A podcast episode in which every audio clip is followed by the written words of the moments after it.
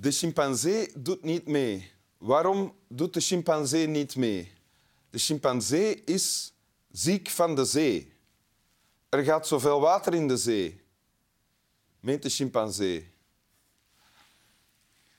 Dat was het eerste gedicht dat ik ooit las van Paul van Ostaaien toen ik 14, 15 jaar was. En ik was meteen eh, gewonnen en ben daarna fan geworden van uh, Paul van Ostaaien levenslang. En naast mij zit een collega wat dat betreft. Absoluut. Matthijs de Ridder, welkom in Winteruur. Dank je wel. En je bent uh, voornamelijk schrijver Ja. uh, van hobby paljas. Ja, En uh, je hebt een biografie geschreven over Paul van Ostaaien. klopt. Ja. Over een paar weken komt hij zelfs uit, in april. 17 april. Ja. Ja. Hoe, hoe heet de biografie? Paul van Ostaaien, de dichter die de wereld wilde veranderen. Oké. Heel, heel benieuwd. Uh, en, hoe dik is dat? Ja, dik. Ja? Veel te vertellen over Paul van. Ja, het is niet oud geworden. En... Nee, maar 32 jaar. Maar hij heeft heel veel gedaan in die 32 jaar. Ja. En je hebt, niet verwonderlijk, een tekst meegebracht van Paul van. Ja. Wil je die voorlezen? Ga ik doen. Melopé. Onder de maan schuift de lange rivier. Over de lange rivier schuift moede de maan. Onder de maan op de lange rivier schuift de kano naar zee. Langs het Hoogriet, langs de Laagwij, schuift de kano naar zee. Schuift met de schuivende maan de kano naar zee. Zo zijn ze gezellen naar zee, de kano, de maan en de man.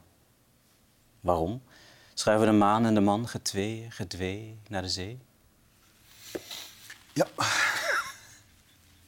Ik zou kunnen vragen, vaak vraag ik, uh, of is mijn eerste vraag wat staat er? Maar ik zou kunnen uh, vragen hier, misschien zou ik dat wel altijd kunnen vragen, wat gebeurt er? Ja, het is heel mooi, hè? Van die, uh, schrijft hij vooral met klanken. Hè? Er zijn heel, heel veel dezelfde klanken, hè? die lange E's, de A's en de O's. Dus je krijgt een heel traag ritme mm. en een heel traag... de snelheid is niet hoog hier. en tegelijkertijd vertelt hij natuurlijk ook een verhaal, een heel simpel verhaaltje van iemand, een man, in een kano die over een rivier naar de zee gaat. Maar helemaal aan het einde. Uh, en stelt... iemand die dat ziet ook. En iemand die dat ziet, ja. Wij, ja. wij zitten heel hoog. Hè. We kunnen ook zien dat dat in een landschap gebeurt, heel wijd, met een maan die erop schijnt. We krijgen een soort van uh, uitgezoomd shot. We zien de hele wereld een beetje. En in die wereld is een eenzaam iemand die in een kano. Je kunt je ook al afvragen waarom een kano, hè, niet een oceaanstomer, hè, een ja. heel wankel bootje. Ja. Uh, vaart hij over een lange rivier, ook nog eens een keer heel langzaam uh, naar de zee. En het, en het lijkt allemaal uh, onvermijdelijk. Het moet gebeuren. En die laatste vraag in het gedicht, waarom gaan die... Waarom schuiven de maan en de man getwee gedwee naar de zee? Ja, en waarom doen ze dat zo gedwee? Hè? Waarom springt die man niet uit de kano bijvoorbeeld? En wa waarom, gaan ze, waarom gaan ze naar de zee? Waarom zo gedwee? Ook al, ook al. Ja, ja. Waarom, waarom gaan wij he, daarheen waar we blijkbaar heen moeten? En, maar je noemt het een vraag, hè? het begint ook met waarom. Het heeft de vorm van een vraag, maar geen vraagteken. Nee. Waardoor het op mij het effect heeft van niet meer eigenlijk een verzuchting te zijn dan een vraag. Ja. Ja. Ja, Paul van Ostaaien die heeft uh, momenten gehad in zijn oeuvre dat hij uh, heel erg zeker wist waar het heen moest. Uh, gedichten uit de bundel Het Signaal bijvoorbeeld, waarin hij echt op de, uh, de kop gaat staan van een groep van, uh, laten we activisten zeggen, die de wereld beter willen maken. En Van Ostaaien is dan degene die de weg wijst. Ja.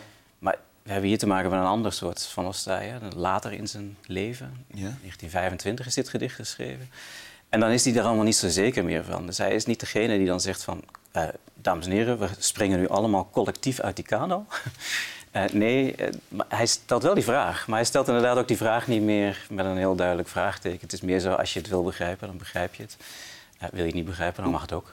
Waardoor het bijna het effect heeft van een, een, een filmpje of een, of een schilderij of zoiets. Ja, inderdaad. En je kunt ook altijd weer terug, hè, want je kunt die vraag stellen. En dan voor jezelf misschien daar een antwoord op geven. Maar je kunt ook terug in het gedicht. Die, die waarom-vraag die, die brengt je eigenlijk ook weer terug naar de, naar de scène op zich. Waardoor je die hele wereld weer gaat overschouwen. Dus misschien is het ook wel het feit dat hij de vraag niet echt stelt. Stelt ons ook wel weer in, in staat om uh, veel meer gedachten daarbij te ontwikkelen. Ja. Jij hebt natuurlijk als biograaf alles gelezen, hè, of zeker ook alle gedichten, meer dan eens, neem ik aan. Ja.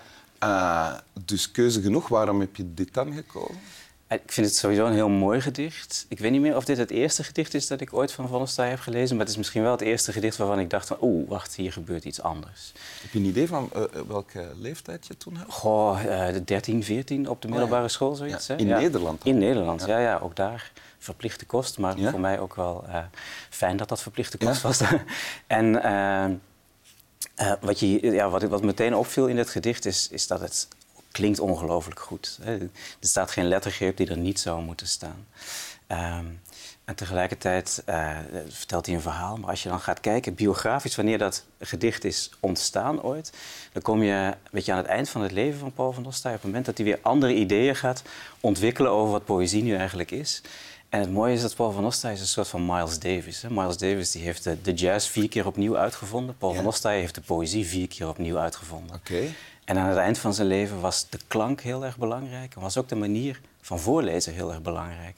Want hij las ook voor. Ja, ja. en dit gedicht heeft hij gebruikt ook in een lezing. Dus hij heeft uh, op een gegeven moment een lezing gemaakt. Gebruiksaanwijzing der lyriek heet die. Uh, en in die lezing vertelt hij de mensen hoe de moderne poëzie uh, eruit ziet en hoe die werkt. En aan het eind van die lezing las hij dan dit gedicht voor. En als je dan de verslagen leest, dan blijkt dat hij dat heeft gezongen. En heeft hij dit gezongen? Ja, hij las het heel erg melodieus voor. Helaas is dat niet opgenomen. Oh ja. Maar deed hij, dat wel, deed hij dat wel vaker, gedichten voorlezen dan? Ja, ja. Dus hij, uh, uh, gaf wel eens uh, lezingen, werd wel eens gevraagd om gedichten voor te lezen. Ook wel eens in beperkte kringen, als hij gewoon door bij mensen thuis was en er werd gevraagd om een gedicht voor te lezen. Dan. En dat gebeurde ook steeds, steeds melodieuzer, steeds muzikaler. En, en waar, dat, had, had, hij succes met zijn voorlezen? Ja, ja, ja. ja? ja, ja, ja.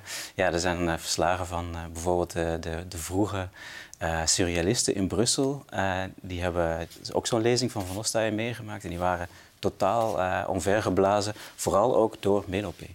Oké, dus, dus hij was eigenlijk een soort oervader van de slam. oervader van de slampoëzie. En hier eigenlijk met dit gedicht, ook al omdat hij daar zo over heeft geschreven en over, dat hij dat gedicht zo heeft voorgedragen. dit is eigenlijk het begin van alle moderne poëzie in de Nederlandse taal. Dit gedicht? Durf ik te zeggen, ja. Oké. Een bouwde uitspraak. Zeker. Melopé heet het gedicht. Mm Een melopé is een klaagzang? Of een... een, een ritmische spraakzang. Hè? Dus, uh, ja, uh, een soort van recitatief. Hè? Mensen die dat op een bepaalde... En dat, dat, dat, hoor je natuurlijk ook weer terug in het gedicht. En dat is precies ook hoe hij het zelf heeft voorgedragen. Oh, ja, ja. En dan om toch nog even te hebben over dan die klanken en het ritme... De, dat kunnen we nu niet zien in de projectie daar, maar de zinnen worden telkens langer in de eerste strofe. En dan uh, wordt eigenlijk het ritme gebroken door die twee uh, regeltjes langs het hoogriet, langs de laagwij. Ja. En dat klopt niet qua gevoel en ritme nee. met wat er voordien is gebeurd en wat er nadien ook gebeurt. Nee, het is Van Ostij die breekt daar een beetje het ritme dat hij opbouwt. Dat is natuurlijk ook wel slim, want als je het allemaal helemaal uh, lang, steeds langzamer laat verlopen en steeds trager, en dan op een gegeven moment wordt het saai. Dus van als hij weet het moment te vinden waarop hij denkt van... Hey, ik, ik, haal het publiek er weer even bij. Maar als je gaat kijken naar wat daar staat, dan, is het, uh, dan zou je het natuurlijk ook kunnen lezen als... Uh, we, we, we, gaan de weg in het leven. We, we, we, volgen de rivier die we nu eenmaal moeten volgen. En wat komen we onderweg tegen? Well, mooie momenten, minder mooie momenten. Ah, het hoge riet in de lage, hoog en laag. Precies. Ah, ja. Ja, ja, ja. Dus daar uh, heeft Van Ostaaij ons eigenlijk weer te pakken. Aan de ene kant heeft hij, uh, ritmisch doet hij iets anders. Hè. Het, is ineens opgewekter. Maar tegelijkertijd in die tweede regel haalt hij ons weer mee naar beneden. Ja. Hoogriet, het laagwij. En dan gaan we weer die onvermijdelijke weg langs die lange rivier. Heb je een idee van hoe vaak je dit al gelezen hebt? Oh, honderden keren. Echt waar? Maar je komt het ook nog wel eens tegen. Hè? Het, het wordt wel eens gebloemleest. En, uh... Ja, het is een van zijn vijf bekendste gedichten. Ja, inderdaad. Ja. Nee, honderden keren, letterlijk. Ja. Okay. Maar ik, het gaat me nooit vervelen. Dat, uh, Oké, okay, zullen we het dan nog eens lezen? Nog een keer? Ja. De, de 502e keer. Oké. Okay. Melope. Melope. Onder de maan schuift de lange rivier. Over de lange rivier schuift moeder de maan. Onder de maan op de lange rivier schuift de kano naar zee. Langs het Hoogriet, langs de Laagwij, schuift de kano naar zee. Schuift met de schuivende maan de kano naar zee. Zo zijn ze gezellen naar zee, de kano, de maan en de man. Waarom schuiven de maan en de man, getweeën, gedwee, naar de zee? Snap wel. Dank u. Nog nooit een hand gegeven eigenlijk op aflevering. Doen we nog eens? Ja.